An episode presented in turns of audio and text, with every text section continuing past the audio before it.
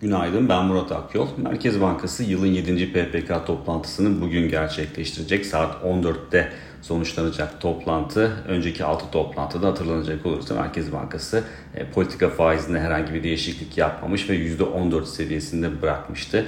Bugüne kadar verilen mesajları göz önünde bulundurduğumuzda bugünkü toplantıda da faizlerde herhangi bir değişiklik yapılma ihtimalinin son derece düşük göründüğünü söyleyebiliriz. Dolayısıyla toplantı sonrasında yayınlanacak metinde yeni bir mesaj verilmemesi durumunda toplantının piyasa üzerindeki etkisi de son derece limitli kalabilir gibi görünüyor.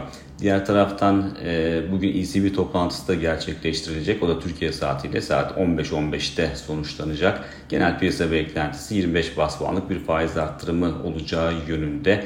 Ancak e, Euro bölgesinde enflasyon son açıklanan rakamlara göre yıllık bazda %8.6 seviyesine yükseldi. Dolayısıyla bu yükselişin ardından ECB'nin 25 değil de 50 bas puanlık arttırım yapma ihtimalinin daha yüksek olduğu fiyatlanıyor. Son günlerde zaten hafta başından bu yana belki de paritenin güçlü bir eğilim sergilemesinde bu beklentinin önemli ölçüde rol oynadığını söyleyebiliriz. Ama tabii ki şunu da unutmamak gerekiyor.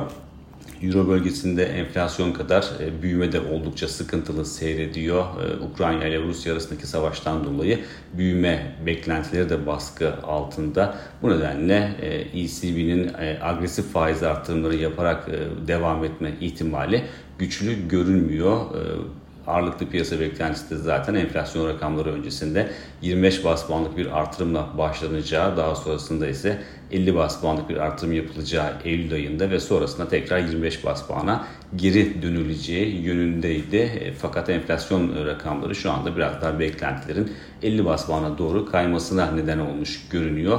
E, bugünkü toplantıda 50 bas puanlık artırım çıkması durumunda tabii ki bu parite açısından destekleyici bir unsur olarak çalışabilir.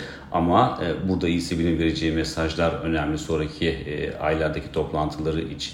Eğer agresif faiz artırımlarının devamının gelmeyeceğinin anlaşılması durumunda paritede son günlerde gördüğümüz e, yükseliş eğiliminin hız kesme ihtimalini de göz önünde bulundurmak gerekir.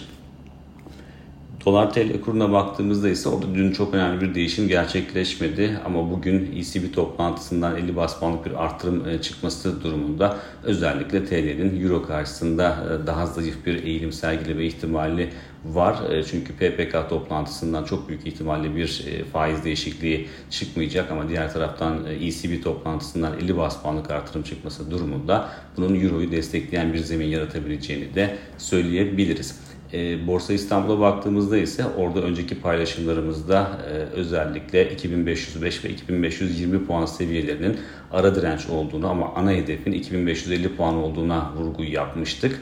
E, dün 2505 puan seviyesi çok hızlı bir şekilde aşıldı açılışla birlikte e, fakat endeks gün içinde 2520 puan seviyesine sıklıkla takıldı. Buna karşın e, kapanışa baktığımızda endeksin 2520 puan seviyesinin de üzerinde e, günü tamamladığını görüyoruz. Dolayısıyla bu e, endeksin daha fazla momentum kazanmasını sağlamış durumda ve e, şu anda teknik açıdan değerlendirdiğimizde 2550 puan seviyesinin hedefi olarak e, geçerliliğini koruduğunu düşünmeye devam ediyoruz. Bir sonraki podcast'te görüşmek üzere.